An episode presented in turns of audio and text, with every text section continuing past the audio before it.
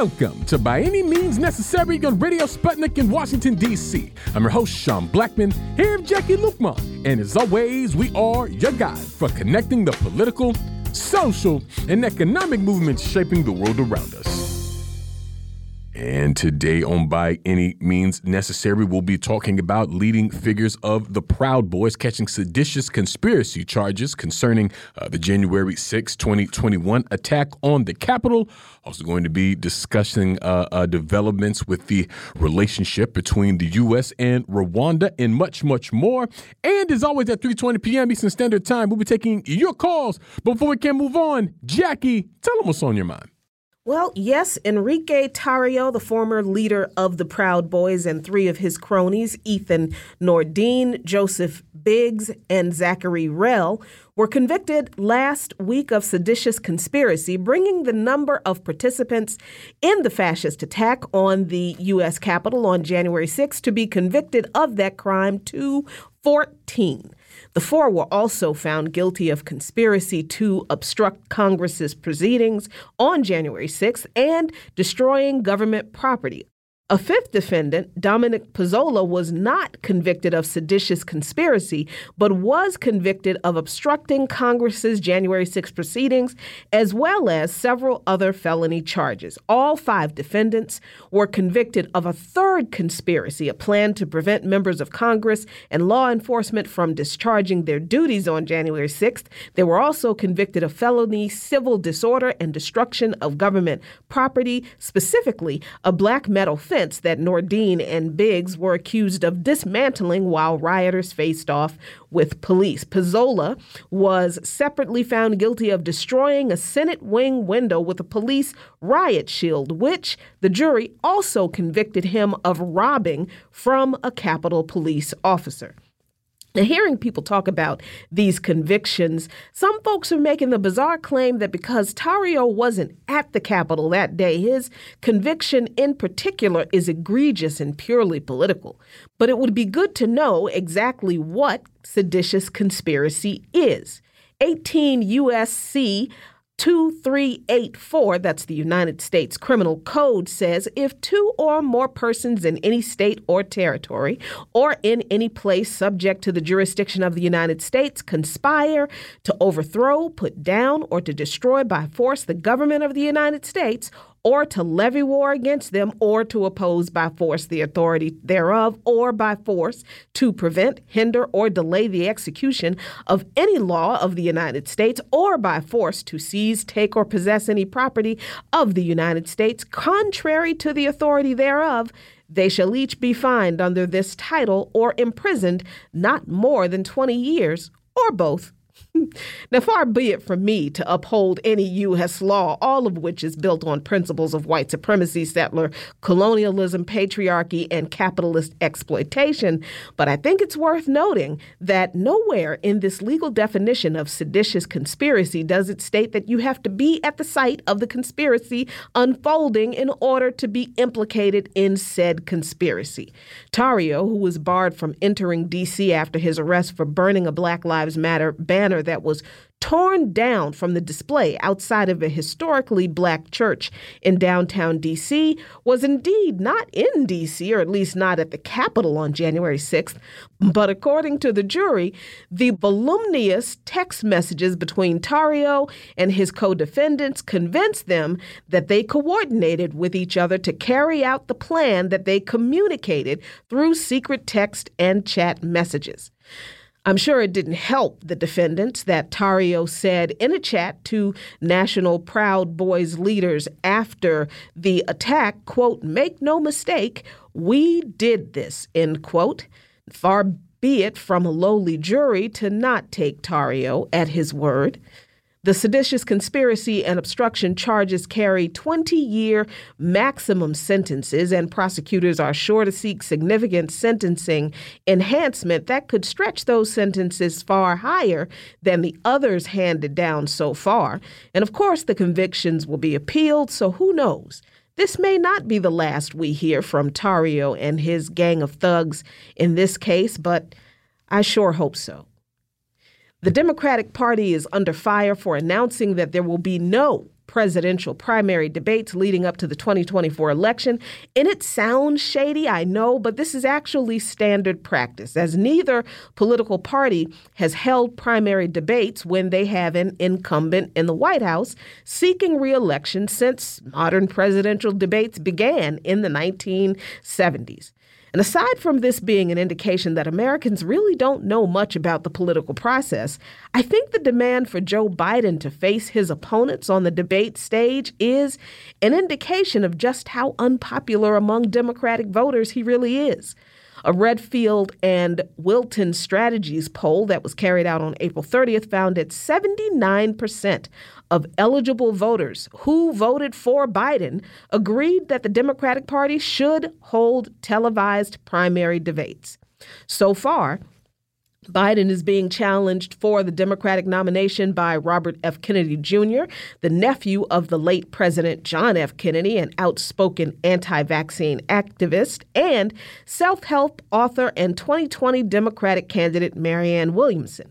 Say what you will about the politics of either of the two primary contenders, and there's a lot to say about both of them. Apparently, Democratic voters who actually voted for Joe Biden in the last election want to hear the views of his challengers in a televised debate, which seems to me to indicate that those voters are not sold on Biden being the best the party has to offer in 2024.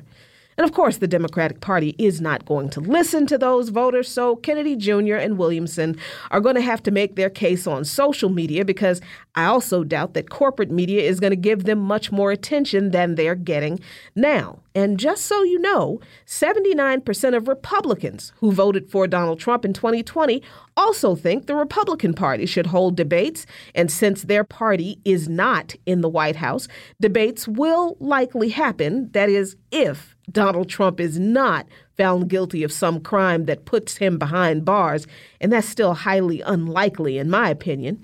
But for Democrats, Joe Biden has nothing to gain by debating his primary challengers and everything to lose because what the DNC does not want is for the Democratic voters to realize that they might have a better chance at having at least some of their material concerns addressed by voting for someone other than Joe Biden. And the DNC will never let that happen. Follow Luqman Nation on patreon.com slash Luqman Nation for lots of great content. And those are today's talking points, and you are listening to By Any Means Necessary on Radio Sputnik in Washington, D.C. I'm your host, Sean Blackmon, here with Jacquie Luqman, and as always, we're your guide for connecting the political, social, and economic movement shaping the world around us. By any means necessary. And we're going to keep the movement moving on, as they say. And we are very happy to be joined by Daryle Lamont Jenkins, Executive Director of the One People's Project. Daryle, thanks so much for joining us. And thank you for having me. Good to be here again. Absolutely. And it's good to have you, Daryle. And uh, a jury has recently found four of uh, the leading figures of the Proud Boys guilty of seditious conspiracy. And uh, according to reports, these are, are, some of the more serious charges that have been brought so far in connection with the January 6, 2021 attack on the Capitol. And uh, amongst the most prominent of these leaders is, of course, the Proud Boys' former chairman, Enrique Tarrio. Although, interestingly, Tarrio himself uh, was not actually present uh, at the Capitol the day day of the attack, as uh, he was uh, not allowed in town uh, uh, uh concerning some other charges. But I uh, just want to get some of your top line thoughts, Daryle, about this development and what do you think it means for the Proud Boys and groups like them? Well, I can tell you right now, I um, I look at the charge of seditious conspiracy. Um, that's not an easy, easy charge to convict. Um, and it already happened with the Oath Keepers a couple of months ago. And once that happened, it was pretty much the handwriting on the wall for the Proud Boys because they pretty much got um, got convicted on the same evidence that they had in the Oath Keepers. And um, it was only a matter of time for the Proud Boys anyway for something like this to um, fall on them, so a hammer such as this to fall on them. I would tell you that what it means for the Proud Boys is that um, it's no longer about damage control. They're in the tailspin. Um, as I told somebody a couple of um, days ago, the Proud Boys that are remaining on the street right now are pretty much feral, to, um, to um, the coin of phrase. and I think uh, they're just don't know what they're doing, and now they're associating with whatever right wing group that they can associate with. That includes neo-Nazi and white supremacist groups. They're lashing out. That you see them at these um, drag queen events, um, drag shows, I should say, and um, protesting them alongside alongside neo Nazis when, according to them, neither would have happened maybe about two or three years ago. So what it means is that we got the main we got the main and the most prominent um, chess pieces off the board as it stands with the Proud Boys. But what's left are a lot of pawns that are now trying to be that king. And oh boy, we, we're we're going through some things right now.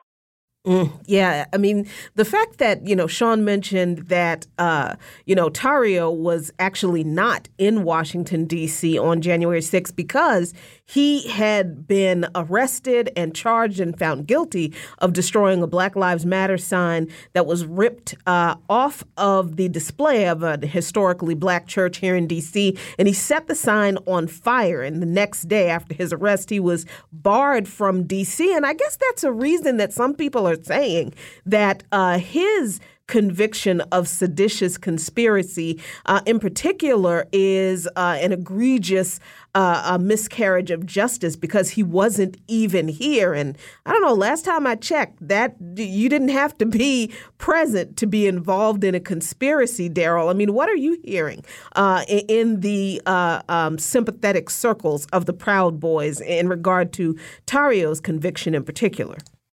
Well, that's not necessarily true. That's the thing about the whole video that um, the Australian ABC network um, provided as evidence. He, as well as a couple other Proud Boys, met with the Oath Keepers in a parking deck in D.C. He never left town. He just wasn't at the rally. He stayed in another town uh, away from the rally, basically barking out orders as we saw on social media. That was the other thing that got him um, got him jammed up. So even though he wasn't in town, he was there in spirit. And that was what made the difference. And I'm going to add something else too. There was someone else that wasn't there that also should be held accountable. And that's the founder of the Proud Boys, Gavin McInnes, a Canadian national who has now who has now founded a group whose top officers have been convicted for seditious conspiracy. And I will say again, he has no business being in the country. He should be held accountable. He should be investigated and find out what exactly um, his role was in all of this. For some strange reason, he keeps getting a pass. We got to stop letting him get a pass. Yeah, McInnes does uh, seem to oddly get a pass, and I actually don't think he's the only one. I mean, we're we're two years uh, after the uh, attack on the Capitol, January 6, 2021. It's still lingering, still hanging about, and uh, unsurprisingly so. I mean, I think a lot of people felt then, certainly we did on the show, that this would be something that we'd be feeling the ripple effects of for some time. But when we talk about how this, uh, how the charges and how the punishment has been meting out, Daryle, I mean, we're of course talking about the Proud Boys today. You mentioned uh, charges against the uh, Oath Keepers uh, uh, a little uh, earlier. So some of these uh, far right elements uh, have faced some legal consequences. But when we look at people like Donald Trump, who ordered the attack on the Capitol, I mean, the the worst uh, consequence that he's faced in the time since is uh, that he lost his Twitter account. I mean, the, the, the man has literally uh, thrown his hat in the ring to run for president again after trying to thwart uh, uh, an election um, just a couple of years ago. And so it seems that there's just so much unfinished business, uh, uh, if you will, as it regards uh, January 6th. And actually, I, I, I would also argue still some things that I think we don't quite know. But when we take a step back and sort of look at the uh, impact that January 6th has had on the political situation inside the U.S., Daryle, I mean, how do you sort of see that aspect of things playing out? I do not believe. Well, first of all, I don't believe that Donald Trump is going to um, emerge from this unscathed. But that's the optimist in me. Who knows what might happen in the next couple of um, months to the next couple of years? Um, but it's all a matter of what they are going to do next. And by that, I mean those um, MAGA Republicans, those um, right wing groups that came out to on um, January 6th. What is next? What are they going to um, do to the rest of us? Let's just look at it like that. I mean, I look at what happened in uh, the latest shooting in um, Allen, Texas. I think it was a place called Allen, Texas. And uh, the person that was um, the suspect that is now deceased um, was said to have been wearing a particular um, a particular patch on his vest, a, a, patch that said RWDS. That's right wing death squad. That's a clothing line that you generally see most prominently amongst Proud Boy members. And if that's the case, now we're seeing a situation where Proud Boy members could possibly be um, going out there and becoming not even more violent, but incredibly deadly now. Now they're being a part of this kind of element. And that's when we have to start saying, if you're not taking this seriously and you are an elected official, if you're not investigating Donald Trump a lot more heavily on this particular situation or any of his acolytes, on this particular situation. You're not doing any any of us any favors, and maybe it's time for you to be moved aside so that some folks who will do the work that needs to be done will can. I should say. Yeah, absolutely. Because uh, the fact that this person um, didn't have a criminal history, but is believed to have been associated with a local neo-Nazi group, which means that they were this group was known to law enforcement at least. I, I think speaks uh, volumes to the the lack of attention that is paid to these fascist groups in the U.S., where you know law enforcement pays a lot more attention, and politicians, Daryle, pay a lot more attention to passing legislation to you know say criminalized uh, uh, drag events and trans people and Black Lives Matter activists than they do the groups of people who are actually organizing to physically harm and commit violence against people. Exactly. I mean, I think one of the things that really drives me crazy, and I know we're not talking about it right now, but we got to look at what went down in um, New York with Jordan Neely. Um, people the right would like to say that if that was a Hispanic person that had him in a chokehold, um, we wouldn't be talking about this right now. And I said, yeah, that's because that person would have been arrested. Right. That person would have been arrested on the spot. Um, instead, he is being allowed to go home while they think about it. And that is one of the things, that is one of the dynamics that's really getting on, on everyone's nerves right now.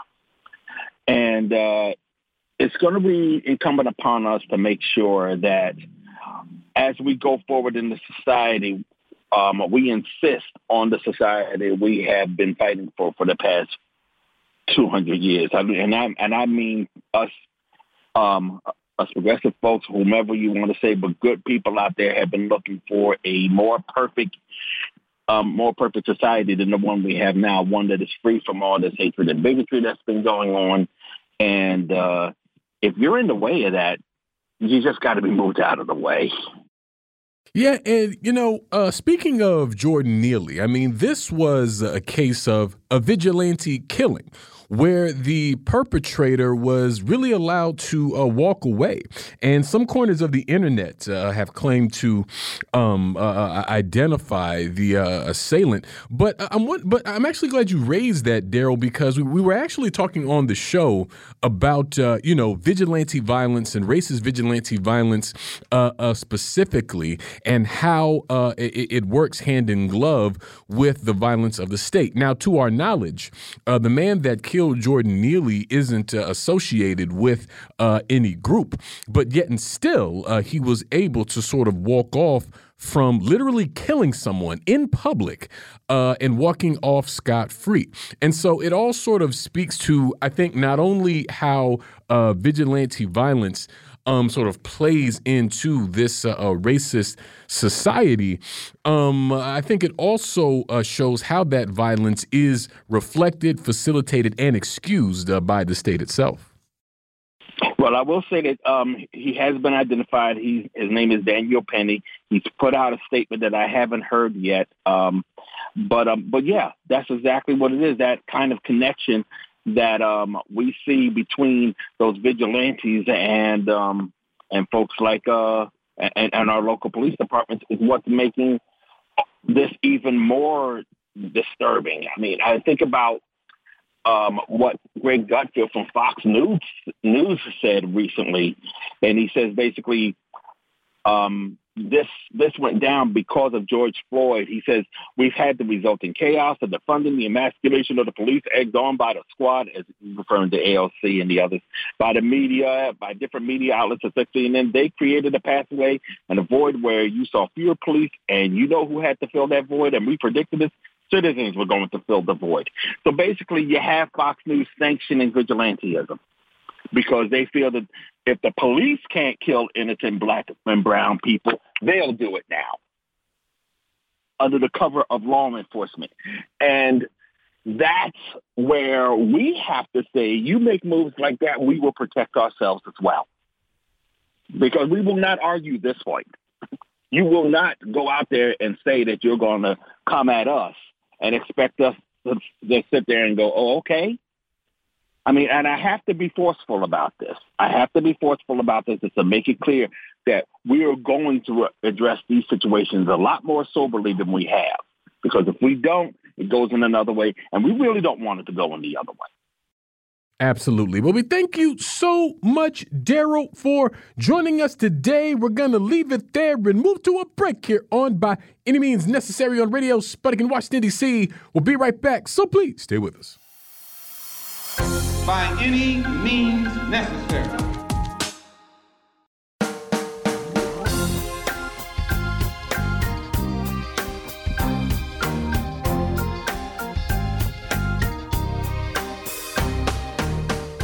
Welcome back to By Any Means Necessary on Radio Sputnik in Washington, D.C. I'm your host, Sean Blackmon, here with Jacquie Luqman. And as always, we are your guide for connecting the political, social, and economic movements shaping the world around us.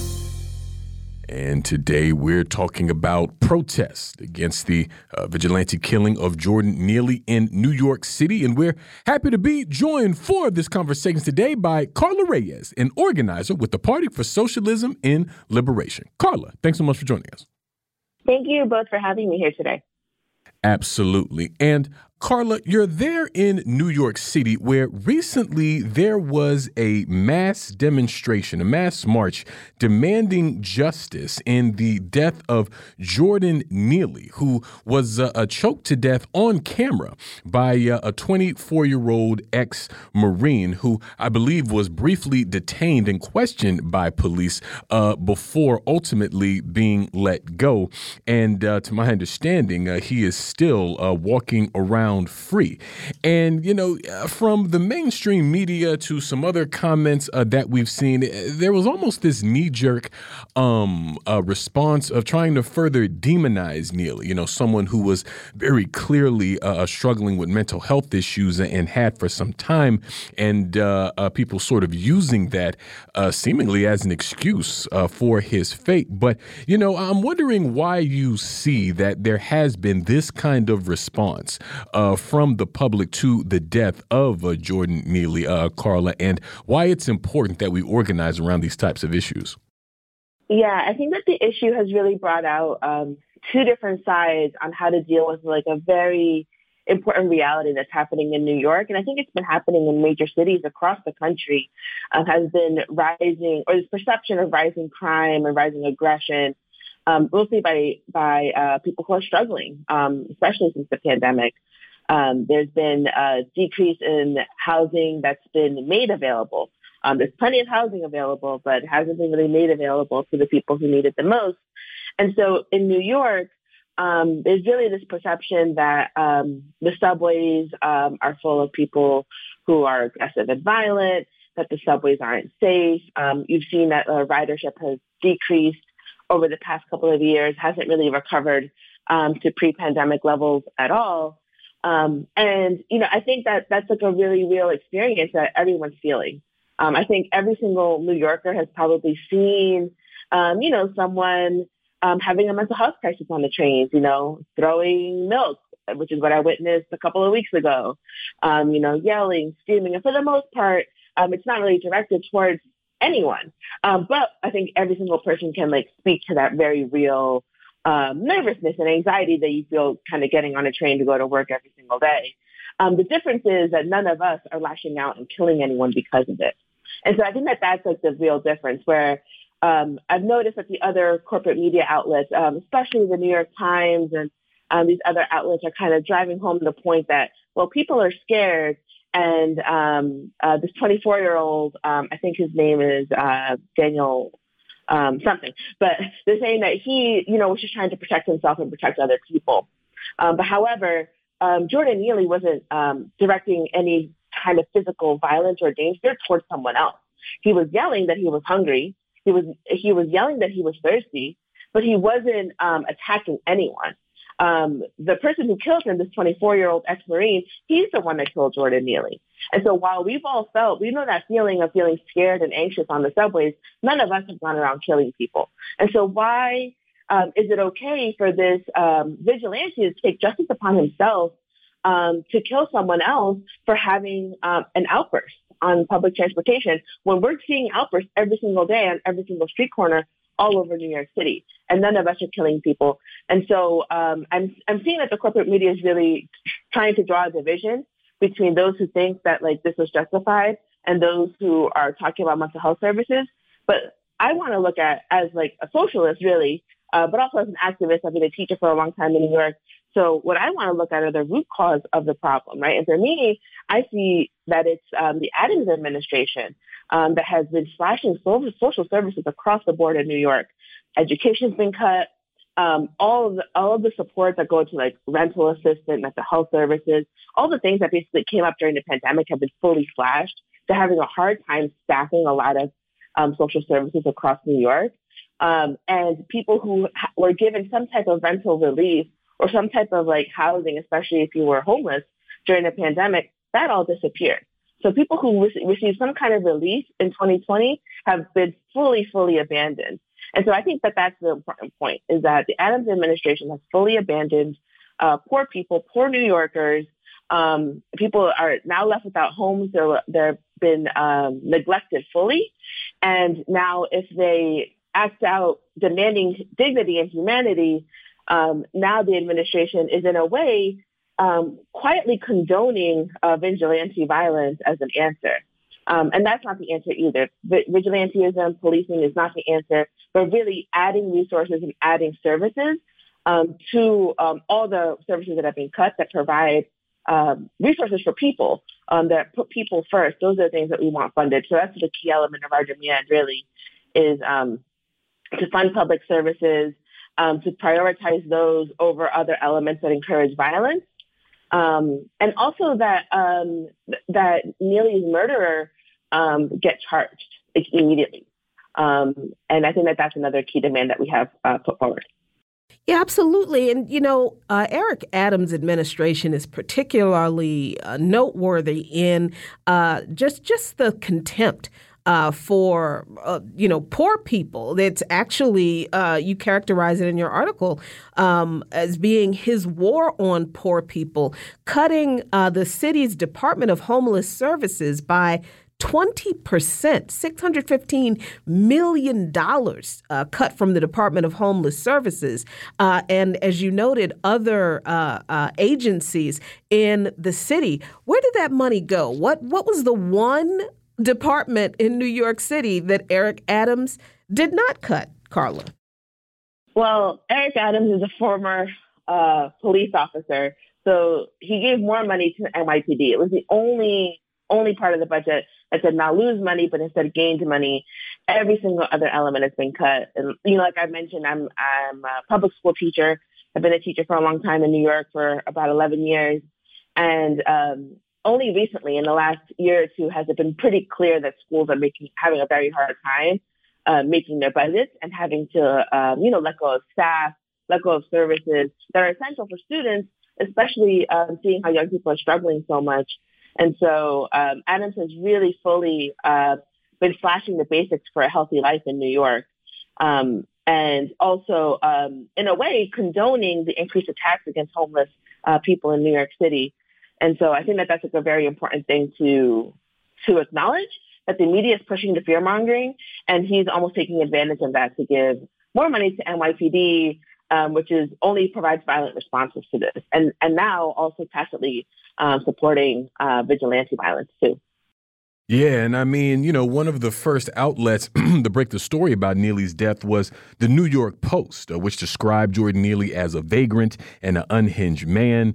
And uh, the editorial board even uh, tried to paint uh, uh, the killer as a quote good Samaritan. And so this, this this narrative has been being pushed from the very beginning. And you said something important in your comments there, Karla, when you noted about how uh, New York Mayor Eric Adams is really going after and slashing just about anything that could uh, help people lead uh, a, a, decent life in New York City. The same New York City uh, where the cost of living and everything is uh, uh, skyrocketing, and where uh, access to some of these important resources, the same resources that Jordan Neely and so many other people in the city need, are being cut back more and more. And as you mentioned, with even more money and support going to the police. And so to me, there seems like there's a, a palpable uh, class and racial character uh, to the killing of Jordan Neely, as uh, Neely's death uh, seems to uh, be connected in a number of ways to a lot of issues facing uh, poor working and oppressed people in New York.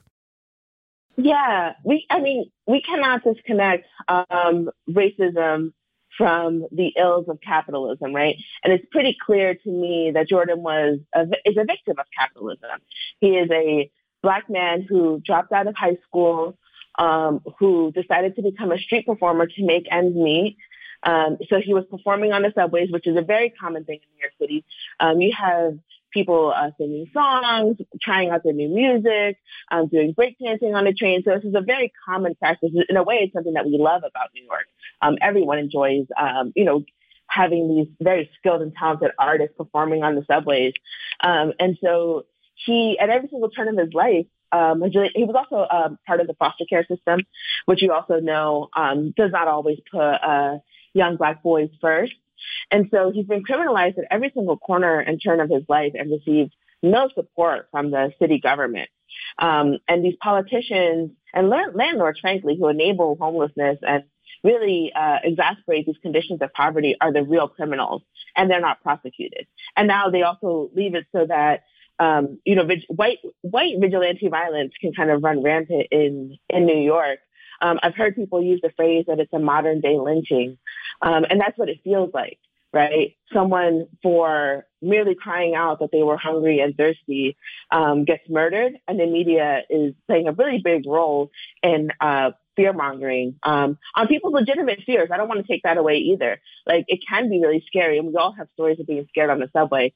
But I just want to highlight the point that none of us have gone around um, killing other people for it, and we can't justify that violence is like the answer um, to this crisis. Um, the answer is honestly taxing Wall Street. Like New York City is one of the richest cities in the world. It's the home of Wall Street. They keep on making money. They have enough money to bail out all these banks, um, including Signature uh, New York Bank. And if the money exists for that, then it has to be money um, to look out for, for young people like Jordan Neely and the thousands of other um, uh, people that exist like him. Um, and I think that's like a really important point to highlight. And just to say one more thing, um, life expectancy decreased in New York six years for Black Americans, like five years for Latino Americans in New York City, and about three years um, for white Americans. So across the board, everyone's life expectancy decreased because of the COVID-19 pandemic. It's almost as if a war has hit New York. And so for Eric Adams and his administration to continue um, fully divesting from social services that would support vulnerable populations, especially Black and Latino populations, is truly, truly criminal. And he really needs to be called to task um, for fully abandoning and ignoring poor New Yorkers. Yeah, Karla, and of course there is the the narrative um, used to justify uh, the murder of Jordan Neely that you know he had a criminal record, uh, which you know is now uh, uh, the overriding narrative that he had more than forty arrests, some of them for violent crime. I mean, where does that fit in the response uh, for justice for Jordan Neely, who you know, uh, basically was uh, his life was taken because he said he was tired of being hungry and homeless. Yeah, I think that um, highlighting his arrest, um, and some were for fare evasion, which is a arrest that far too many people in New York have seen. Um, you know, others are um, for assault, yet he was charged. And I think highlighting the fact that he was charged and does have a record, yet the person who murdered him got let go. They won't, it, it took days before they even announced his name um, in the media. And I was just reading the New York Times yesterday and they exposed this whole thing like, oh, you know, he liked to uh, play this game. Like they're, they're painting him as a, in a human way. Whereas Jordan Neely, uh, being the black man who was murdered, um, fully gets uh, demonized and criminalized, even more so even after his, his, his murder. And so, and we've seen that time and time again, whether it was with Mark, Mike Brown, whether it was with, with Eric Garner, um, Alton Sterling, all of these blacks that have been killed by the police have also been, uh, you know, their their reputations have been further tarnished even after their death. And so I think that that's what's happening um, also with Jordan Neely. And I think that we should be able to, um, I don't want to say uh, fully look past that because again, I do want to acknowledge uh, people's fears and, and pains um, in, in being potentially assaulted. Um, but clearly, the person that murdered Jordan Neely is way more dangerous um, and is still um, roaming the streets and could potentially murder someone else um, just for crying out for food and water. And so I think we have to remember the big picture here that um, the Adams administration is fully uh, divesting from social services and is abandoning poor people, um, and that vigilante violence um, is not the answer, um, but providing more services that care for people is the answer. Yeah, and I mean the nuance that you bring with this argument, I think, is important, Karla, because I mean, for me, it actually helps to really sort of uh, uh, highlight who uh, the real culprit is here, and, and ultimately the systemic root uh, of what happened to Jordan Neely. And uh, on that note, as we've been discussing the uh, race and class implication of Jordan Neely's death, I mean, from your position, Karla, particularly particularly as a New Yorker. I mean, what do you think that says? In, in the same way that uh, we were able to mobilize uh, uh for uh, calling for justice for Jordan Neely, what do you, you think it means for uh, the need to organize around a lot of these very issues that we've been describing? I mean, a racism, housing, wages, health care coverage, all of these sorts of things that every single solitary human being needs. I mean, food. I mean, basic things that we're talking about. I mean, it, seems to me that um, uh, there really will have to be a kind of organized uh, fight back around those kinds of issues and more that face uh, poor working and oppressed people uh, to try to see to it that uh, we don't have any more uh, Jordan Neely's. You know what I mean? Yeah, and um, I'm glad you you're mentioning this because truly we see that the conditions that led to Jordan experiencing homelessness hunger, trauma are really the direct result of the failures of a capitalist system.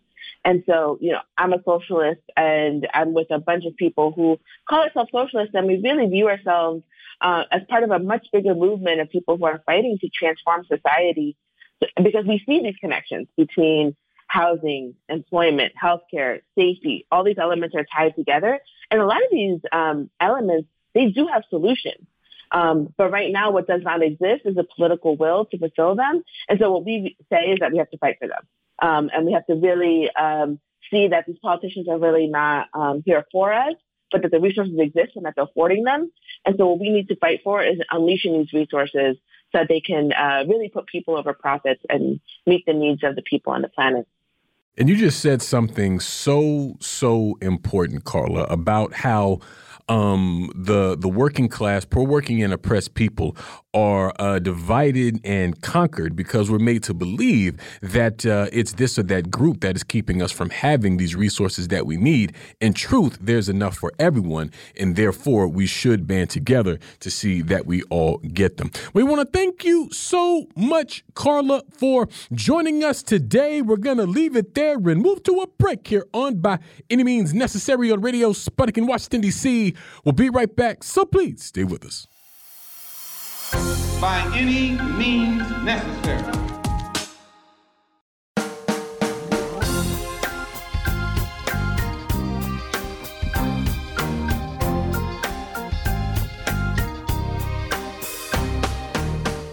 Welcome back to By Any Means Necessary on Radio Sputnik in Washington, D.C. I'm your host, Sean Blackmon, here with Jacquie Luqman. And as always, we are your guide for connecting the political, social, and economic movements shaping the world around us.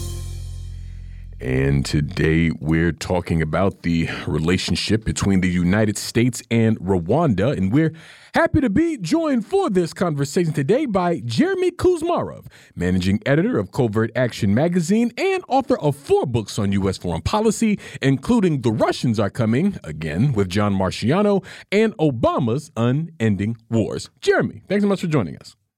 Thanks for having me. Absolutely. And uh, Jeremy, you recently published a piece on uh, covertactionmagazine.com entitled Will the Death of Yet Another Opponent of Rwandan Strongman Paul Kagame Prompt a Suspension of U.S. Foreign Aid to Rwanda.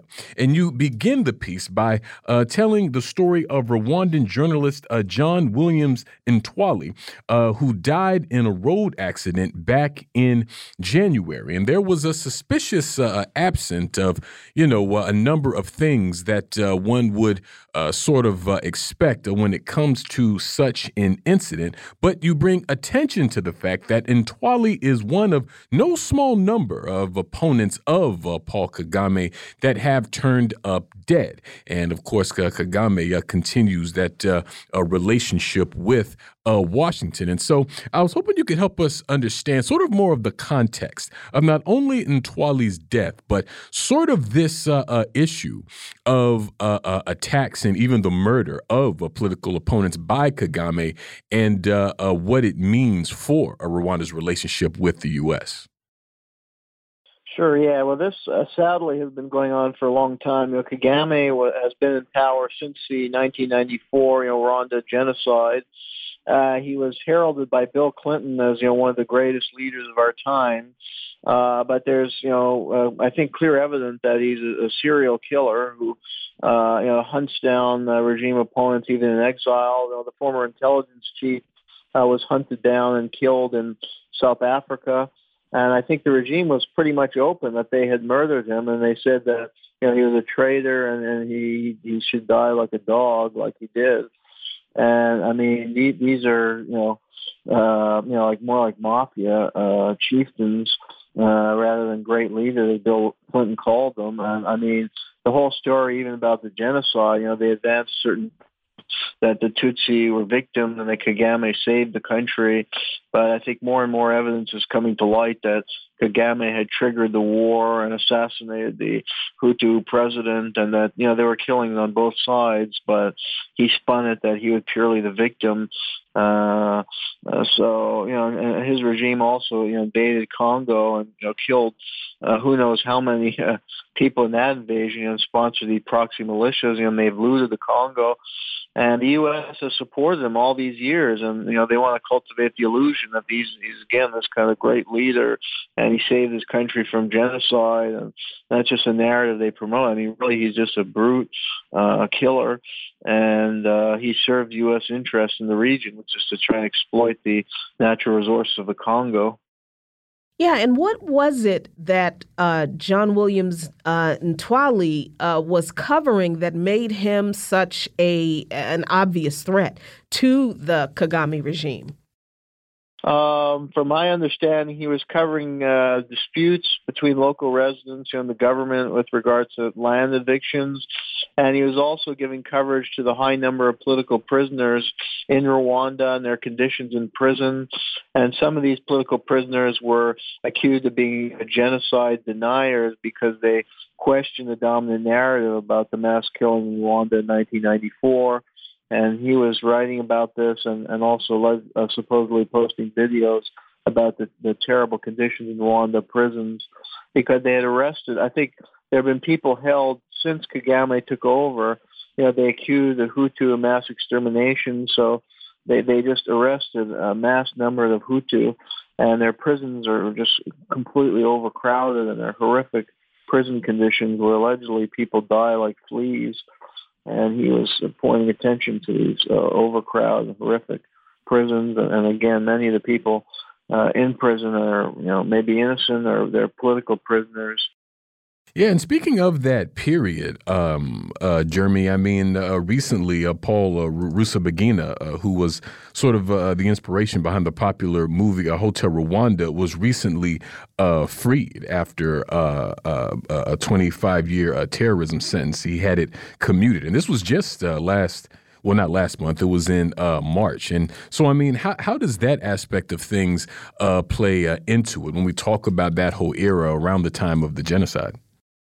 Well, I think that that has brought world attention to the situation in Rwanda. That this is really an uh, exceedingly repressive government that would arrest even you know national hero who's considered a hero for saving people during the genocide, and they would even arrest him. And they tricked him. Uh, you know, he was living in exile, and uh, he was tricked into flying, I think, through Dubai, and then they kidnapped him and kept him in captivity uh, for several years. And I mean, and he's a you know elderly man by now. I think had various uh, health ailments. Uh, so I mean, this is the mo- this you know the regime is kind of exposed. That's its modus operandi, and this is basically a terrorist regime. And yet, the United States still continues to provide uh, large amounts of foreign aid uh, to that regime. It doesn't stop them, even though it's been widely discredited. And you have a similar situation in Uganda, where you have a maniacal leader Museveni, who's been in power, you know, very close with Paul Kagame. And I think the two of them are intent on establishing a Tutsi Hima empire in Central Africa. And the U.S. continues to support him. And he's uh, promoted these very progressive anti-gay laws uh, in Uganda, and that doesn't. The U.S. you know gives huge amount of money because those two countries, you know, again have served U.S. interests in the region. They've Uganda had U.S. military bases and they've uh, they they invaded and helped to open up the Congo to uh, allow U.S. corporations to go and exploit the natural resources and to own the mining uh, corporations because uh, there's really very wealthy uh, resources in, in Congo, especially, and all the material that's needed for for laptops and cell phone and electronics. A lot of it is mined in Congo, so those two guys have served the U.S. agenda and, and the agenda of corporate America, and so the U.S. puts up with uh, some of the worst atrocities uh, ever imaginable. And you know, it shows the double standard of the U.S. in human rights. They claim to want to stand up to human rights abuses, and they're you know provoking wars with China and Russia, and yet they support the worst human rights abusers in the world. People who've killed tens of thousands uh, and are you know serial killers who murder their opponents and invade other countries and decimate. I mean, Congo, Eastern Congo, has been decimated by these Rwanda and Uganda invasion with untold human suffering. And Kagame even set up mass. Uh, he had a system uh, of mass crematoria to better dispose of the bodies because they were killing so many people.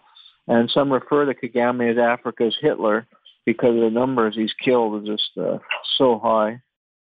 And not only has the Biden administration continued to support uh, the Kagame regime, but they actually hosted uh, the Biden administration, the State Department, the Biden State Department hosted uh, Kagame in Washington D.C. with some other uh, questionable, and that's to that's an understatement, African leaders recently. What was this event uh, that was that got a lot of fanfare, but really, when you look at the history of Paul Kagame and the brutality of his regime, uh, casts a lot more doubt on this uh, event that Washington hosted uh, a little while ago. Correct. Yeah, and this was uh, the U.S. Africa Leaders Summit uh, in December, and yeah, Kagame was treated, you know, with with kid gloves and great respect. And again, meanwhile, this is one of the most horrific, uh, heinous uh, leaders we've seen, I think, around the world uh, uh, in the last generation. So, yeah, th- and you know, just point the hypocrisy of, of the U.S. Uh, Biden administration and other administration that you know they're they're you know present this kind of moral righteousness that they're spreading democracy, and they want to lecture countries, you know I remember like when Obama was president, he was giving like these moral lectures about Zimbabwe. You know, they picked on Zimbabwe and Mugabe, But, you know, Mugabe was a leader who had resisted, uh, you know, Western colonialism and redistributed a lot of the, the land from the whites back to the blacks. And they had to demonize him, and they gave him these lectures, you know, that he was undemocratic. And yet the U.S. is supporting a leader like Kagame and Museveni, who've been in power, were in power the same amount of time uh, as, as Mugabe, but did nothing for their people. In fact, plundered the resources, kept their people impoverished. Uh, I mean, there's some wealth in Rwanda from all the money they stole, the, the loot they stole uh, uh, from Congo. And apparently, you know, Kigali is glistening, but there's huge inequality and you know poverty in the countryside has not been alleviated by Kagame. And you know, overall, from what I've read, it's not a very healthy economy apart from the you know uh, elite in the country has done well because they're plunder in the Congo. So these are terrible leaders, but again, they, they pick on a leader like Mugabe who had resisted Western colonialism and, and, and tried to reverse the, uh, the the historical pattern of colonialism in this country. So it's completely uh, hypocritical uh, and sickening, really. And the U.S. all the while, you know, is, re- is in the process of recolonizing Africa with the expansion of AFRICOM and you know U.S. military presence in Africa to counter China and to, sure, to ensure that the U.S. control the mineral wealth of Africa. And uh, hopefully, you know, better African leaders will, will emerge in this generation to to stand up to U.S. design. Yeah, and I was also hoping, Jeremy, that you could say more about uh, the strategic value of Rwanda for uh, uh, the U.S. And you noted uh, uh, resource extraction from places uh, like the Congo. And so, you know, how does a sort of a regional aspect of things play into the issue of Rwanda when we talk about that part of the continent? Well, yeah, I think U.S. business interests have benefited from uh, Kagame as rule, and they've uh, made inroads into the Rwanda market and their various investments. And there are minerals uh, in Rwanda that they can extract. But I think the key prize is the Congo. It's always been that's one of the I think you know the richest country in Africa, among the richest in the world as far as mineral wealth. Uh, and uh, so Kagame is a way to access the Congo market because he he invaded Congo twice and uh, helped to install leader, uh, leader that were more business friendly uh, to American and other Western interests. And you know, recently they concluded so at this Washington summit, they concluded some kind of deal that would further enable U.S. corporations to exploit the mineral wealth of the Congo, and they signed away a lot of the right to Congolese government. So uh, those are the kind of leaders you know the U.S. wants uh, in Congo uh, weak leaders who they can manipulate. And Kagame helped to ensure that through his invasions, and you know, there's continued one and true presence there, and helping to destabilize. You know, the, the U.S. I think wants a weak and other Western countries, you know, weak Congo that they could uh, control and have their way with. And with you know, Rwanda is, is continuing to destabilize the country with their militias there and keeping the country divided and weak. Because you know, if you if you look back at history, the one time Congo had a strong leader, Patrice Lumumba, the U.S. and Belgium and other European countries were involved in his assassination, and they don't want a new Lumumba to emerge, a strong leader who would try and nationalize Congo's wealth and heavily regulate or uh, basically um, you know limit the ability of, of foreign corporations to exploit its natural resources. That's what the U.S. doesn't want, and Kagame is helping to uh, prevent the emergence of another uh, uh, Lumumba and a strong Congo. So they value him and, and Museveni for, for their destabilization uh, efforts. And, you know, Jeremy, how do you see the efforts of uh, the survivors of Kagame's regime and certainly uh, Pan Africanists uh, in raising these issues uh, uh, of his brutal, bloodthirsty regime in making any headway, in, uh, in, in forcing any change?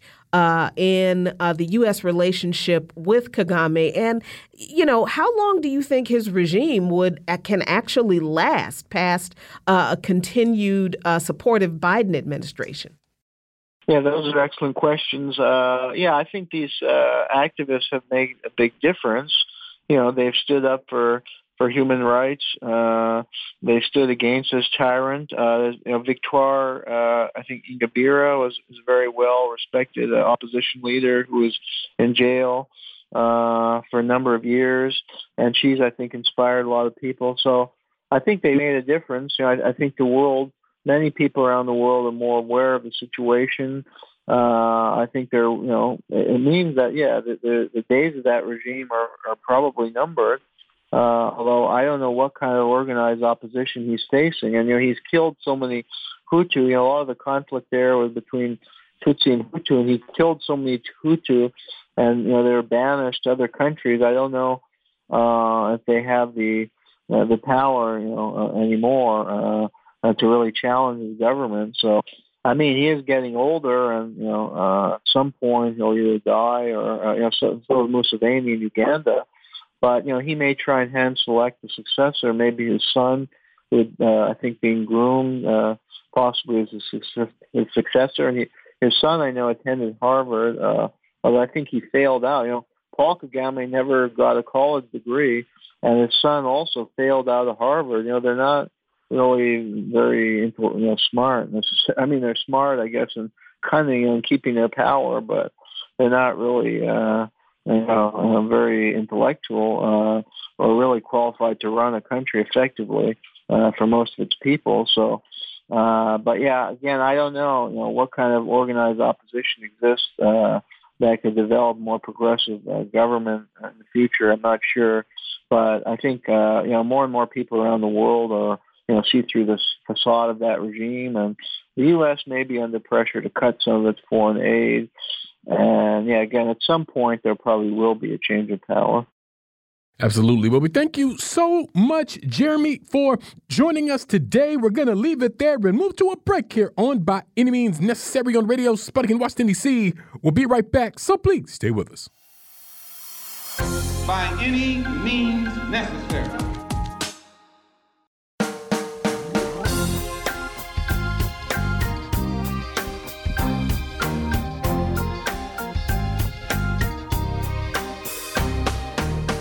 Welcome back to By Any Means Necessary on Radio Sputnik in Washington, D.C. I'm your host, Sean Blackmon, here with Jacquie Luqman. And as always, we are your guide for connecting the political, social, and economic movements shaping the world around us.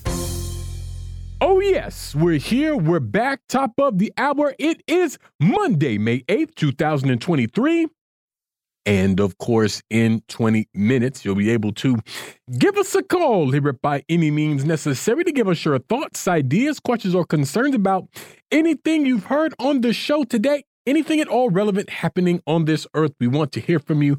That's not the only way that folks can get in touch with us here on the show. If you would please, Jacquie, let the folks know how they can holler at us. That's right, Sean. There are so many ways for our allies, accomplices, and comrades, that's y'all, to reach out and touch us here at By Any Means Necessary in Washington, D.C. You can do that at 3.20 p.m. Eastern Time by calling us at 202-521-1320. That's 202-521-1320. But you can also listen to our show live on your radio dial at 105.5 FM and 1390 AM in the Washington, D.C. area from 2 to 4 p.m. Eastern Time each weekday. And shout out to our friends over in Kansas City, Missouri, listening to us right now on 104.7 FM, 102.9 FM, and 1140 AM. But did you know you can listen to our shows at SputnikNews.com slash radio? Scroll on down the page and click on our show by any means necessary. And we're streaming for your viewing pleasure on Rumble right now at rumble.com slash C slash BAM necessary. The chat is live. And remember, friends, at 320 p.m p.m. Eastern today. You can call us at 202 521 1320. That's 202 521 1320. But wherever you are in this world and however you do it, we want to hear from you. We most certainly do. We most certainly do. And we're very happy to be joined for the hour today by Mr. James Early, former director of cultural heritage policy at the Center for Folklife and Cultural Heritage at the Smithsonian Institution, and board member of the Institute for Policy Studies. Mr. Early, thanks so much for joining us. Thank you for having me. Absolutely. And Mr. Early, we've been uh, following, of course, the case of uh, Jordan Neely, a black man who was choked to death recently on a New York uh, uh subway train And of course, uh, this past weekend, we saw a mass uh, demonstration in New York City uh, where it happened, um, demanding justice for uh, uh, Jordan Neely, uh, particularly as his killer, 24 year old former Marine named Daniel Penny, uh, was yet walking around free. And uh, Penny actually released uh, a statement uh, through his lawyers and things like that, which uh, has been uh, rejected, or at least is being seen as an admission of guilt by Jordan Neely's uh, family. And I want to read a bit from their statement in response. It says, uh, quote, Daniel Penny's press release is not an apology nor an expression of regret. It is a character assassination and a clear example of why he believed he was entitled to take Jordan's life. In the first paragraph, he talks about how good he is. In the next paragraph, he talks about how bad Jordan was in an effort to convince us Jordan's life was worthless. The truth is, he knew nothing about Jordan's history when he intentionally wrapped his arms around Jordan's neck and squeezed and kept squeezing. In the last paragraph, Daniel Penny suggests that the general public has shown indifference for people like Jordan, but that term is more appropriately used to describe himself. It is clear he is the one who acted with indifference both at the time he killed Jordan and now in his first public message. He never attempted to help him at all. In short, his actions on the train and now his words why he needs to be in prison.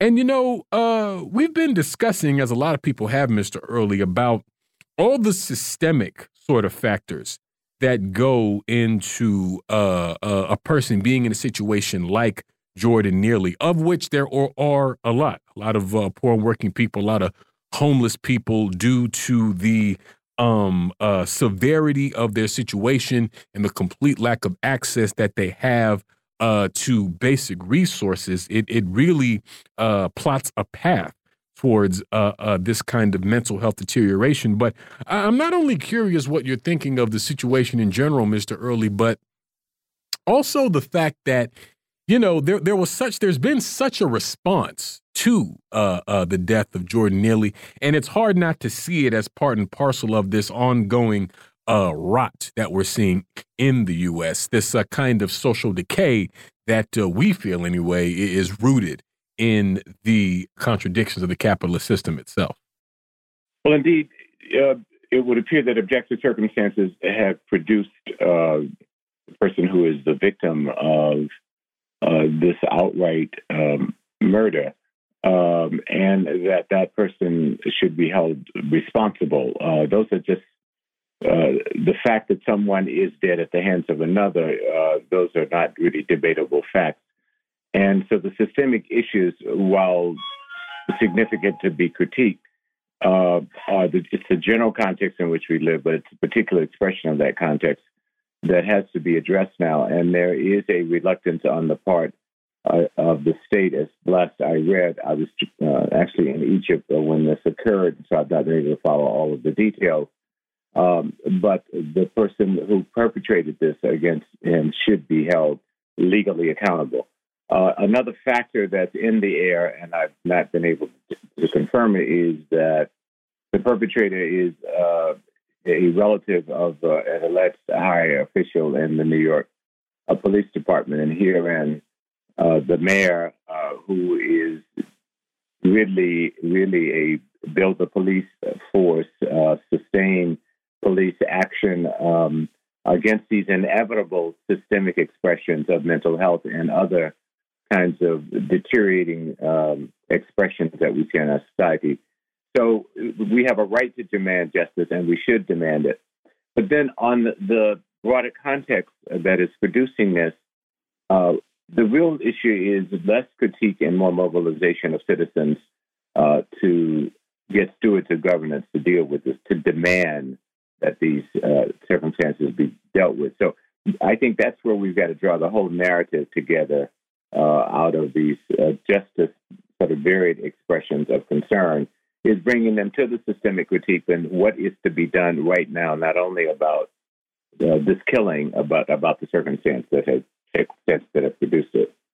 Yeah, and I think you know when I'm thinking historically, the circumstances that have produced this particular moment and and this this overriding narrative of uh you know uh, crime in major cities and when we talk about mental illness in in relation to that i think I, I always go back mr early to a point in history in which the federal government under the reagan administration i know that's a little while for some people but under the reagan administration slashed the budget for uh, inpatient mental health facilities, federally funded uh, inpatient mental health facilities, and I and I know that that previous decades of of institutionalization left a lot to be desired for you know quality of care in in a lot of instances. I I will absolutely concede that, but I I remember and and having grown up in a neighborhood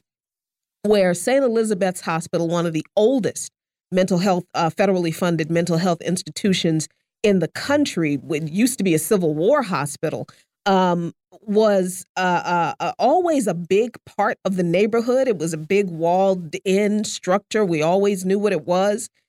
But then all of a sudden, one day, Mr. Early, before not having a, a, a problem with homeless people and people in the streets who serious who clearly had mental health issues suddenly one day we did. And this is because the Reagan administration basically eliminated the federal budget for federally run mental health institutions. And i think at that point politicians made a conscious decision not to provide care for the mentally vulnerable people in our society and continue to kind of campaign on this narrative of homelessness, homelessness, mental illness, and crime, while not admitting, obviously they wouldn't, that this is a a a social creation uh, uh or a social cocktail rather that they created themselves, and I I believe they continue to campaign on this this horrible narrative of oh we have to do something about the mentally ill the homeless people you know the drug addicted people on the streets without admitting that this is the result of government policy that was a conscious decision decades ago. Indeed i i totally uh, agree with you. And to pick up on the metaphor that uh, sean started out with about the rot uh, this is a part of the organic deterioration uh, of this um, economic and political uh, system that we're in, and that working around the edges, increasing budgets, uh, and the like are more like hinting at the issue, not really taking on uh, the more systemic issues. And that we, the general public, and our best humanistic uh, tendencies and expressions uh, have been socialized by and large to buy into that uh, it is a homeless problem.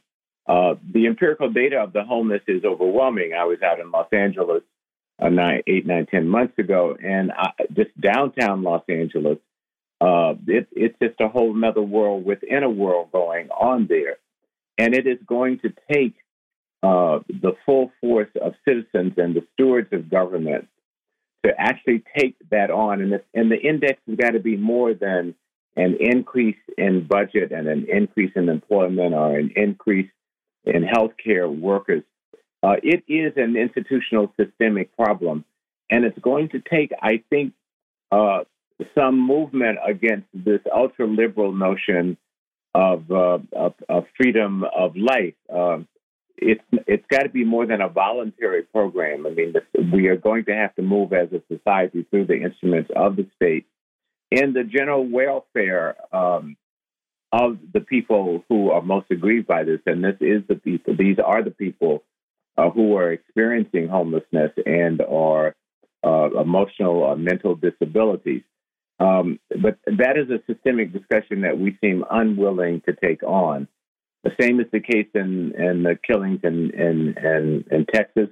Uh, they want to blame this on uh, people with emotional and mental problems, uh, but they're cutting the budgets for institutional help um, uh, of those folks.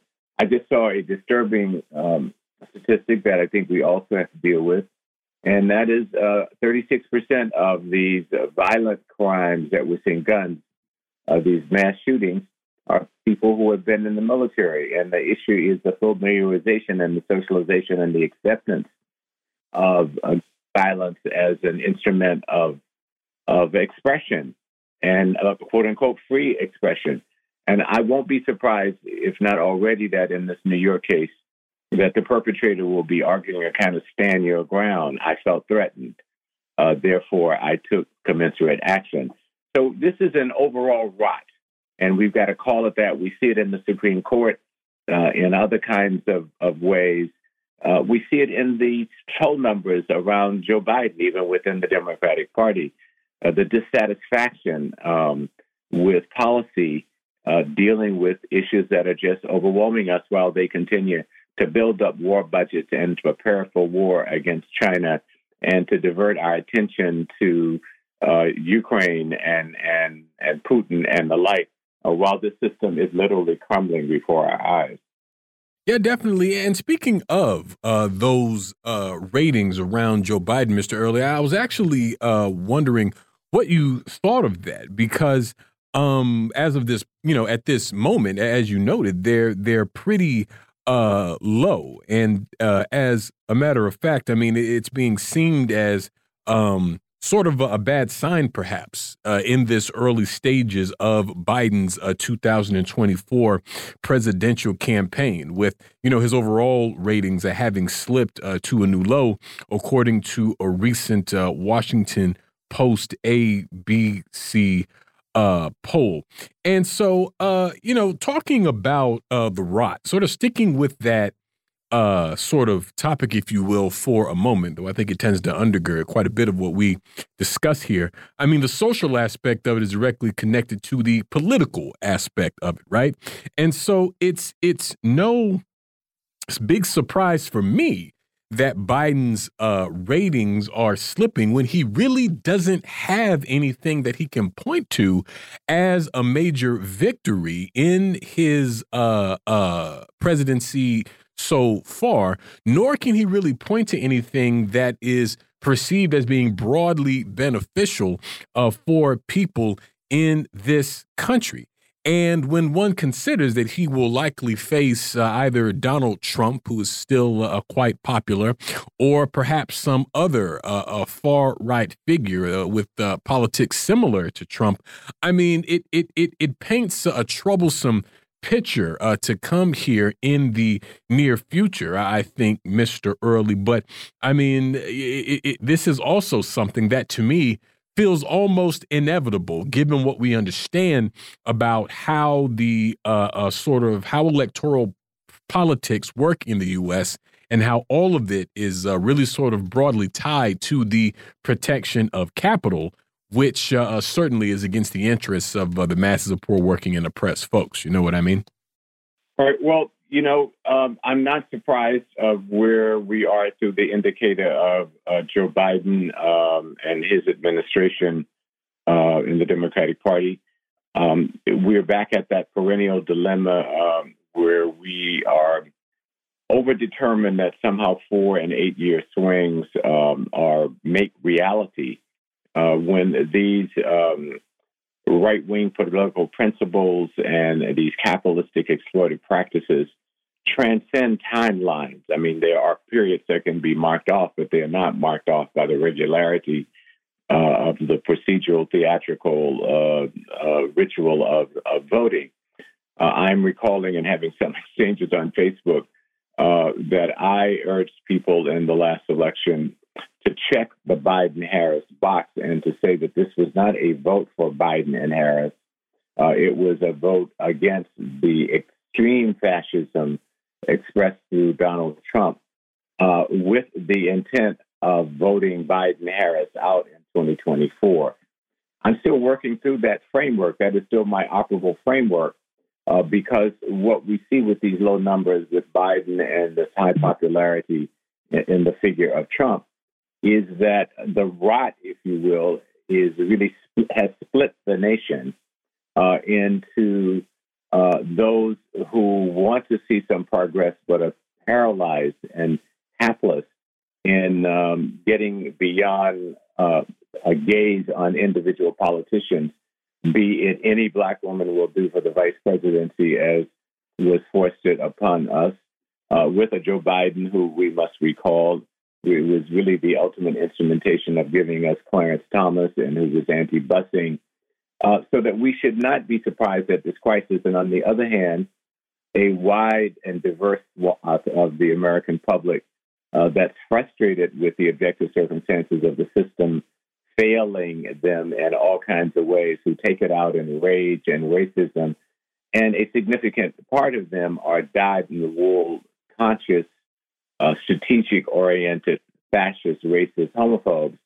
Uh, but uh, more than two thirds of that other uh, wing are people for various socialized selfish reasons and our fears are taking it out um, with these fascist leaders uh, that that come forth. So the crisis is also one of ethics and morals within within the citizenry. Uh, I have been proposing in small p that we need to run a primary candidate, uh, a candidate platform, not an individual. It's not so much who the individual is, but what's the policy platform. Uh, the discussion that's going on amongst uh, some progressives formerly tied to the Democratic Party about, as I would read it, in effect, threatening the Biden Harris administration with the youth vote, saying that the youth vote can help make the numerical difference against keeping, again, uh, the return of an extreme uh, fascist and all the institutionalization now that is being revealed that goes with the figure of Donald Trump, and whether it's on the Supreme Court or whether it's in the police department, its connection to the military, uh, these high percentage incidents of these mass murders uh, having had military training.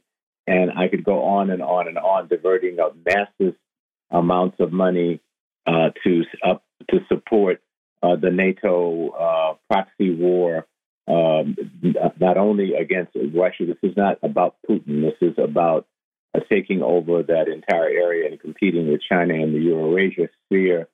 Uh, all of these things suggest that we need to put heavy pressure on this uh, policy administration under Biden and Harris. And I think running uh, a, a platform in the primary and leveraging the youth vote is one way. What do we have to lose? Um, is uh, we're back in that same old thing of of uh, the the worst of two evils. Um, we're going to have to fight the Trumpism fascist tide, whether they're in the White House or whether the weak conciliatory Democrat uh, at the center of their party is in the White House. So we should take this opportunity to see what can be extracted in the interest of the working class.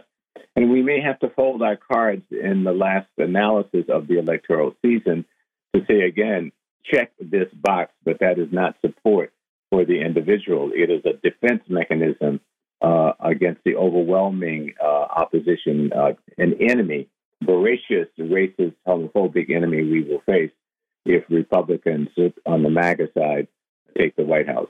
So that's sort of the context of the interplay of the social forces that I see and what is an overall crisis situation.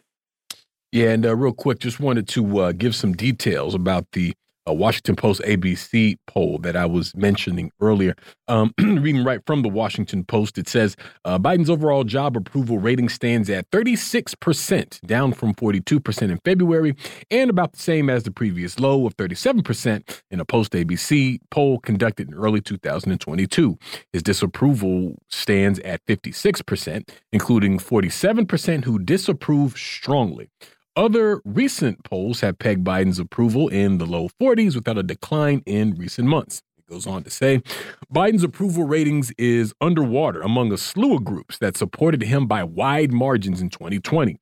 He stands at 26% approval among Americans under 30, 42% among non white adults, 41% among urban residents, and 46% of those with no religious affiliation. Among independents who voted for Biden in 2020, 57% approve while 30% disapprove. Among independents who voted for Trump, 96% disapprove. So, uh, not a great start here for the Biden campaign. But we're going to move to a first break of the hour on that note here on By Any Means Necessary on Radio Sputnik in Washington, D.C. We'll be right back. So please stay with us. by any means necessary.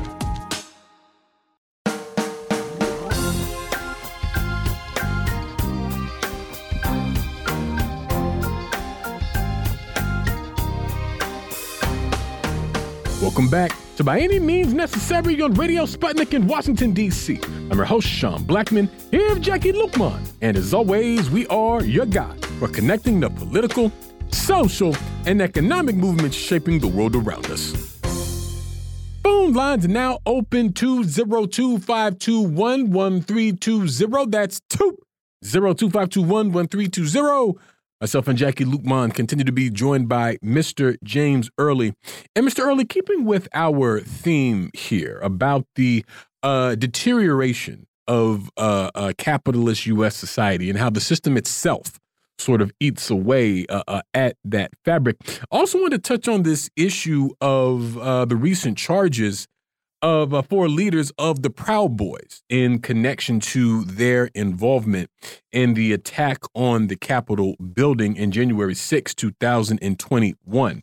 And what's been notable for me is how some uh, people seem to feel that this is some kind of, you know, decisive uh, development within the whole January 6th saga uh, not coming long after uh, uh, the whole issue with uh, the Oath Keepers and them being charged as well.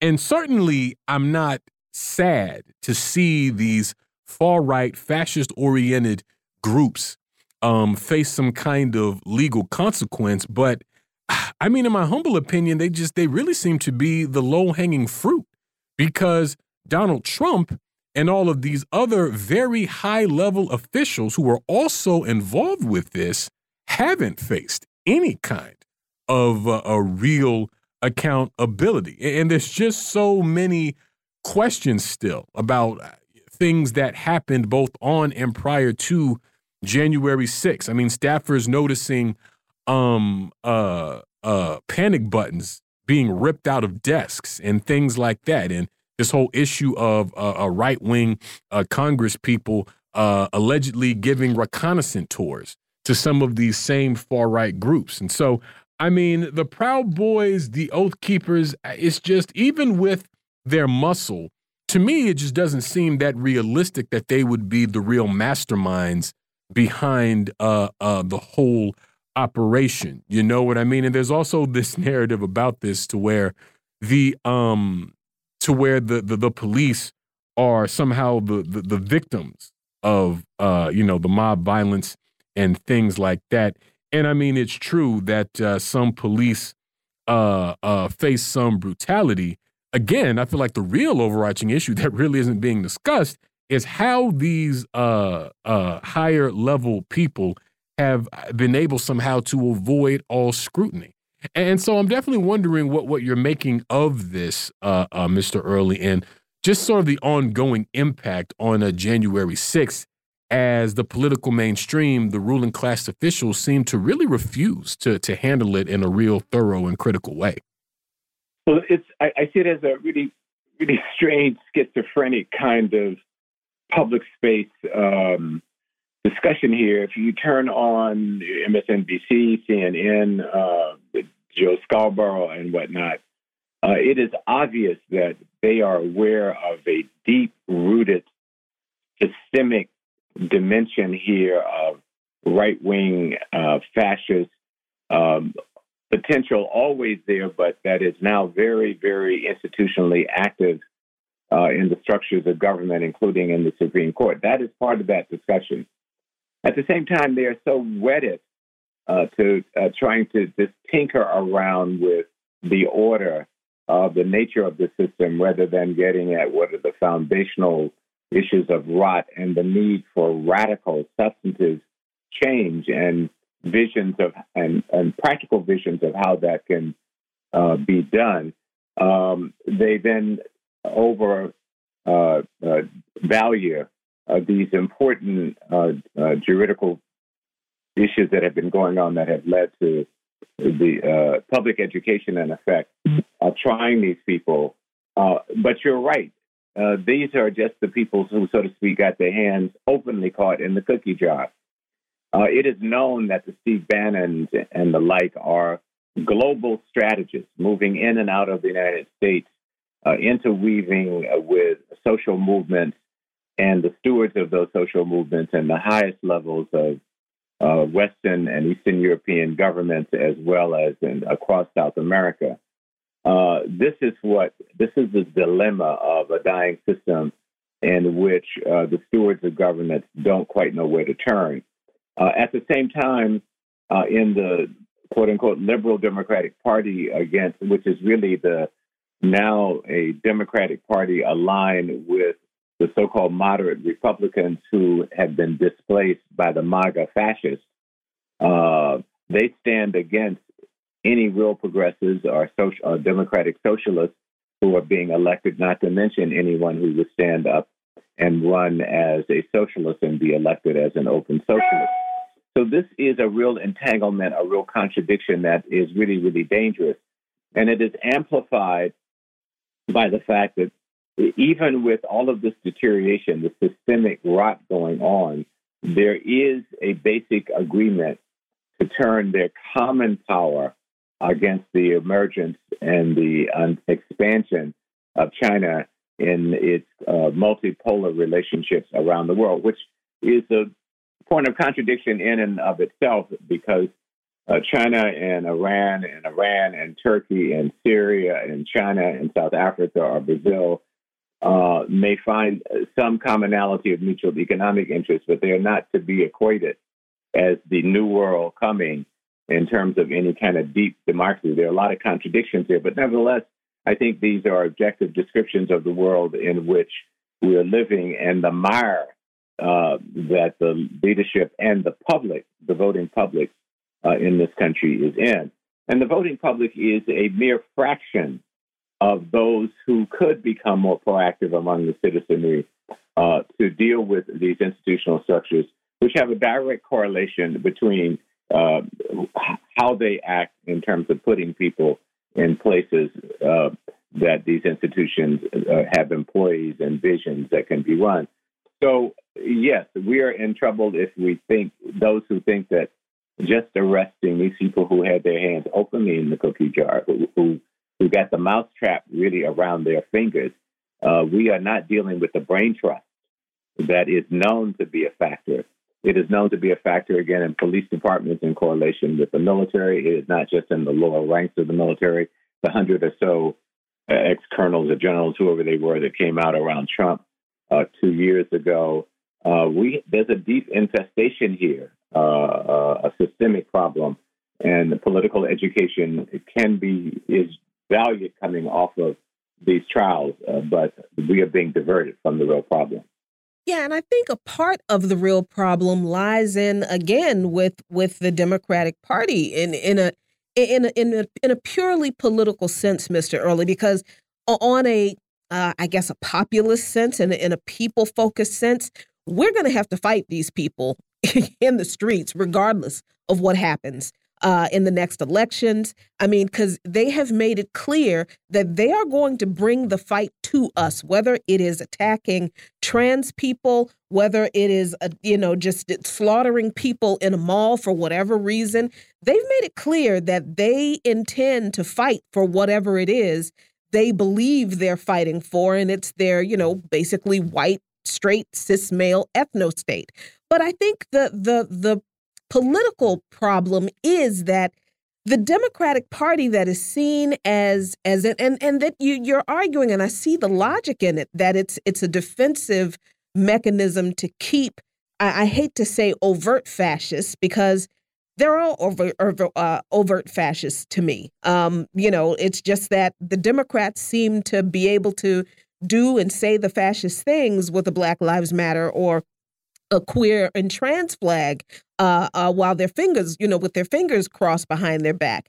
But they are very often complicit with the very fascist forces. I mean, Joe Biden just, uh, on the one hand, said that he would have the backs of trans people, then just turned around and hedged on that, reneged on it, and said, well, you know, these anti trans bills, some of them, they're not so bad. Not going to say too much about them. We'll just let the states violate the rights of trans people and, and not going to do anything at the federal level about that. How do we how do we fight in the streets for our very lives and at the same time vote for a political party that uh, doesn't see the need to do the same? I, I think you're absolutely right in um, uh, amplifying, indicating, amplifying the problem of the Democratic Party, but I think it needs to be un, uh, unraveled a bit more deeply. It is the site of uh, institutionalized uh, neoliberal capitalist democracy uh, th- that uh, offers uh, somewhat of a, a buffer. But it is a complicit problem, as you point out. And we can see it in the law and order black candidates who pose as real liberals in the case of the mayor of New York City. Um, uh, the name of the black woman um, uh, who uh, ran in Florida uh, for the Democratic Senate, who came out of the police department, the same kind of positioning around the police. De- yes, the same kind of positioning around the police department of maintaining law and order, the order that is producing the very social deterioration, uh, the very uh, vigilante violence that is emanating uh, from that system. They just simply want to work around the edges. I think we even have to go deeper than just who are the stewards and the structure of this neoliberal centrist uh, instrumentation of the Democratic Party, because the the significance of the party really is not the party framework itself. It is the millions of ordinary, everyday citizens, working people, oppressed people, LGBTQ communities, white poor people, etc., who align their hopes around that instrumentation. That is where the real work has got to be done. And as long as uh, public discourse and critical inquiry is focused uh, at the personalities, the stewards uh, by name, or simply the institutional structures, and the issue of where do working people stand and why are they standing there and what is the work to be done, then we are not taking on the problem. And yes, I think the metaphor of the street that is standing, which is broader than it's literally being in the streets, but it is also a metaphor for working outside of these structures, does not mean that we uh, can leave these structures and into themselves, because that is where the resources that are being produced by millions of working people in their tax dollars, uh, in their allegiance to various kinds of rituals, um, is really institutionalized. And so we have to fight on both those fronts. But it is with we, the progressive people, we, the radical transformative people, uh, that we really got to do more of the work uh, rather than just this overdetermined focus on the personalities and are the institutions themselves. Yeah, you know, Jacquie, I feel like a lot of times when we see a kind of overemphasis on uh, uh, individuals, I mean, I think that that's a uh, consequence, at least in the U.S. context, of you know this uh, uh, profound individualism that is so uh, characteristic of uh, uh, the capitalist United States and you know everything from history to the president of the United States or to politics as a concept is boiled down to just individuals, the great man theory, and uh, all those sorts of things. But I mean, all of that to me is really based on a lie because what it implies is that the motive force of history and that the motive force to obtain power comes through individuals, which is not true. The, these are always uh, uh, collective efforts. You know what I mean? And so uh, this is a part of how we get put into, and here comes your favorite word, Jacquie, trick bag of uh, elections every two and four years because we are uh, indoctrinated to think that we all as individuals need to go out and cast a vote for this individual or this ticket but there's no that same credence or that same energy isn't given to you know collective independent political efforts even outside of that. And so this is what can make it uh, difficult from an organizing uh, standpoint because uh, we have a lifetime of uh, experience that tells us that politics is done in a very particular way and that democracy all boils down to uh, casting a vote every two or four years. But as movement people, not only do we need to sort of show what the truth of this is and to sort of reveal the real character of elections in the US, which I think to an extent a lot of people in this country kind of understand. I mean, I think that there's a lot of people who engage with the electoral system in different ways while understanding uh, uh, its problems, but to really take those problems and root them in the capitalist system itself and showing about how ultimately whatever vote is cast is that a lot of these issues will continue as long as capitalism itself is in place. But we're going to move to another quick break on that note here on By Any Means Necessary on Radio Sputnik in Washington, D.C. We'll be right back, so please stay with us. By any means necessary.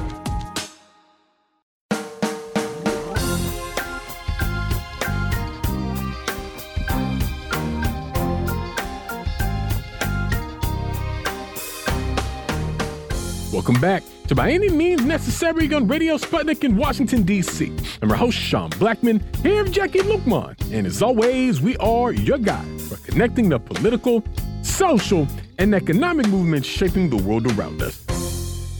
My dear friends, phone lines are still open 202 521 1320. That's 2 0252 I am here. Jacquie Luqman is here. Mr. James Early is here.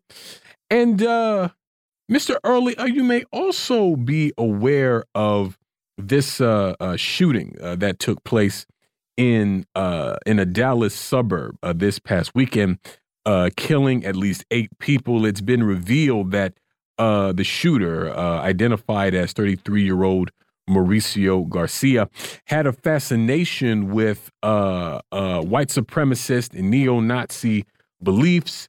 Uh, there was a patch on uh, the shooter's chest that said RWDS, that uh, stands for Right Wing Death Squad, something that we actually see a lot of on groups like uh, the Proud Boys and things like that. And so, I mean, on the one hand, it's not surprising because it seems that a lot of these uh, mass shooters are inspired by uh, different far right, fascist, uh, racist, reactionary beliefs. And I mean, this is true even when their politics aren't really examined, like uh, with the people like Dylann Roof, who who celebrated the you know uh, apartheid governments in in Africa and things like that. But uh, what I, I think is noteworthy, Mr. Early, is how as we continue to see this uh, this kind of mass violence, if we want to call it that, in the U.S., which we don't see happen as often anywhere else on earth. And I always like to point that out. Every country, I think, deals with uh, violence in some form or fashion, but we simply don't see the kinds of uh, mass shootings and things like this in other countries that we do to the extent we do in the U.S. But be that as it may, uh, what I'm really getting at is how much of the violence that we continue to uh, see is uh, found out to be driven by uh, uh far right ideologies and things like that. As these things continue to spread, I mean, certainly they were spreading before the time of uh, uh, Donald Trump. And once Donald Trump is elected, you know, these fascist elements really felt like they had a representative, someone who really represented them in uh, uh, the White House. And, you know, there was also this issue people may have seen that, you know, seven people were killed after a driver at a Texas bus stop uh, drove into a, a, shelter that was housing migrants and things like this. And so it, it's clear that on the one hand, in the you know official quote unquote legitimate institutions and processes in this country we're seeing a far right assault on democratic rights and uh, vulnerable, uh, oppressed communities, while in the street, we're seeing an uptick in uh, uh, reactionary violence. And I think that that really tells us something, Mr. Early, about the moment that we're in. And I feel like there's some resonance here with our discussion earlier about uh, uh, the Proud Boys, about not only how far and how quickly these reactionary ideas have spread, but about just how little has been done to actually combat it, you know, from the official channels, even from the Democrats who who are literally sort of uh uh they're they're on this uh campaign, Joe Biden that is, about how, you know, we got to save democracy and and all these sorts of things and the only thing to do that is to defeat Republicans electorally, while we don't see much being done to uh, quell these efforts, uh, even as Democrats are in power. And so, I mean, how do you sort of see the spread of these ideologies factoring into so much of what we're seeing in this uh, moment, Mr. Early? And what do you think it tells us about what we need to do as movement people to really combat this when we see that those in power refuse to? Well, I think fundamentally what it tells us that in the modern era uh, of neo capitalist imperialistic uh, dominance in the world, uh, which also manifests in other contrary ideologies, for example, dealing with not just the legacy of racism in a place like Cuba, uh, but with the fact that remittances uh, from Cubans outside of Cuba uh, draw in um, money that inadvertently reproduce contemporary social inequities, not with a, a, sense of consciousness of what produced the legacy issues of white supremacy, but produce uh, uh the same uh, outcomes. And, and so it's not just a national, it's a global system, but it emanates primarily uh, from the capitalist system. And this is still the heart uh, of the capitalist system called the United States of America. And so what we have here is an issue of propagation, of propaganda, of a long term, multi century uh, propagation of ideas uh, of uh, racialized exploitation. And even in the liberal dimensions of the society expressed, for example, in the Democratic Party, we've been talking a lot about, uh, is a, a, kind of noblesse oblige. Uh, let's help the poor brown people. Let's help the poor oppressed gay uh, people. There's a classism in there. Not all of those LGBTQ people are white skinned, uh, but they're seen as lesser. Someone, uh, they've got to be helped. Uh, they don't have agency for themselves. They don't have visions of society that we too can interact uh, with beyond, you know, how one carries on one's sexual life. We are a system that is so closed and so deteriorating in that closeness that we cannot open our ideas to what is being propagated in this society. Uh, you know, I was educated politically around the understanding that the seeds of fascism are always present. I would say of sexism, of homophobia, of classism. Those seeds are always there, and they can be suppressed. And I, there is a progressive dimension of that term, uh, but they cannot just be eradicated because someone is always able to come back and try to propagate them. And so we've got to get at the root of this propagation. Uh, we see it in the case of the U.S. Supreme Court. Uh, that what is that society called? The the um, prepares all of these right wing judges. Oh, the Federalist Society. I the think. Federalist Society is a propagation.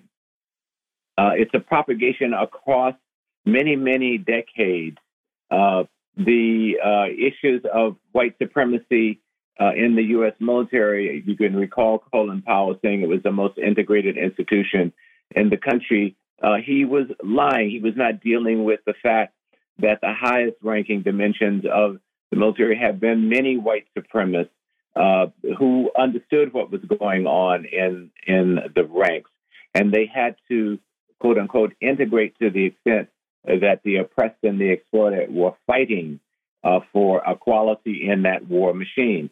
So we have a systemic uh, issue here that we're seeing these expressions. And there is a strategic political dimension to this. It's not just an ethos dimension of deep socialization. Uh, people like the Steve Bannons of the world, uh, and I would not put Trump in that brain trust. Uh, he is a crude instrumentation of that a dangerously crude instrumentation of their interest. But people like Steve Bannon and others, they understand that if you continue to seed the ground, seed the ground, uh, that the colored people are coming, to take back your land without the story that you took this from the indigenous people, then that propagation gets expressed in many different ways. And the tendency of this society is to see it in highly atomized ways, saying, oh, this is an individual, uh, this is a categorical emotional and mental health issue, uh, rather than to deal with the fact that it is a systemic issue.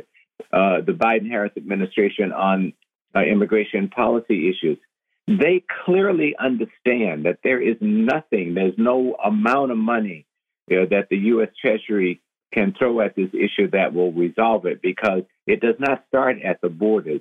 It starts in the homelands of this corporation uh, uh, between exploitive elites, uh, particularly extractive industries, with greedy elites in these countries uh, who are setting a situation that people have to get up from their land of birth and to go to where the larger economic engine is to try to find more flexibility in life. So these inhumane uh, conditions that we see on the border uh, is a multinational elite uh, capitalist system, and the points of uh, the points the, the, the, the, points of instrumentation are easily identified: extractive industries, killing the environment, taking all of the profits uh, out of the countries, fueling young people who can't find entree into the quote unquote legitimate public space then to resort to the quote unquote criminal public space. And so you get these transnational quote unquote gangs uh, of exploited, basically rural and urban youth who are the products of this rot that is going on. So this is where I think we've got to force the conversation of how do we take radical control. Now, radical has many different expressions, but the expression that I'm using here is basically root cause of it. Uh, revolutions just don't drop out of nowhere. They they drop out of hard, hard work, and we have to do harder, harder work at the radical, systemic, structural dimensions of the society, and call it for what it is. It is a system that is producing all of these ills. It, that, those are just objective indicators. Yeah, I'm sorry. Go ahead, Sean. No, no, real quick. I just wanted to clarify what I was saying earlier about that uh, the incident in Brownsville, Texas. This was a driver that plowed in uh, to a group who were waiting at a bus stop across the street from uh, a homeless shelter that had been helping to house uh, migrants. But I just wanted to be clear about that. Go ahead, Jacquie. Yeah, you, you, know, this sounds to me like the thing we talk about all the time, what you're describing, Mr. Early, especially, you know, as I'm thinking about the Federalist Society and how this is, you know, one of of many. Uh, the Heritage Foundation is another uh, organization, uh, um, and, and, these kinds of uh, um, undercover uh, uh, Supreme Court influencing organizations that I can't remember the the pastor's name, who is now repudiated his former work that he started to to literally uh, influence uh, the justices' opinions on Supreme Court uh, decisions um, that that they he openly admitted uh, to a House uh, a Judiciary Committee, uh, some some type of committee that he started to do exactly that in the Dobbs decision and in the Hobby Lobby decision. And this sounds to me like what we talk about every day on this show, um, Mr. Early, and that's organization. But I feel like I always say that the right has out organized the left. But at, I guess the older I get, the more I see uh, uh, uh, what I, I agree with uh, Dr. Sharice Burton Stelly when she says that history doesn't repeat itself, but it rhymes. I, I the more I see us having the same uh, arguments, fights, skirmishes over what is populism, uh, why we don't align with the right wing, uh, this rise in uh, uh, fascism in this country rearing its ugly head again, and having to beat back the reactionary forces from uh, being opportunistically, you know, latching on to progressive and left wing ideology. It seems to me that the deciding factor in the strength or I, don't know the the ability to withstand uh, the the different ebbs and tides of history uh, is is the corporate class, which is inherently a reactionary class. So of course they come down harder on the left and progressive forces than they do on the right and reactionary forces. And I'm wondering what your estimation of that is and what we can do to break that cycle. Well, I, I, Becky, I think you, again you put your hand on it, and I, I would start with what are we doing, not just what can we do, but what is being done uh, to resist. Uh, and it's and organizing is the expression of educating. Uh, educating is the framework of interchange uh, with more conscious and with uh, uh, people working with people who are oppressed and exploited in their direct communities in their direct lives, out of which then comes the organizing.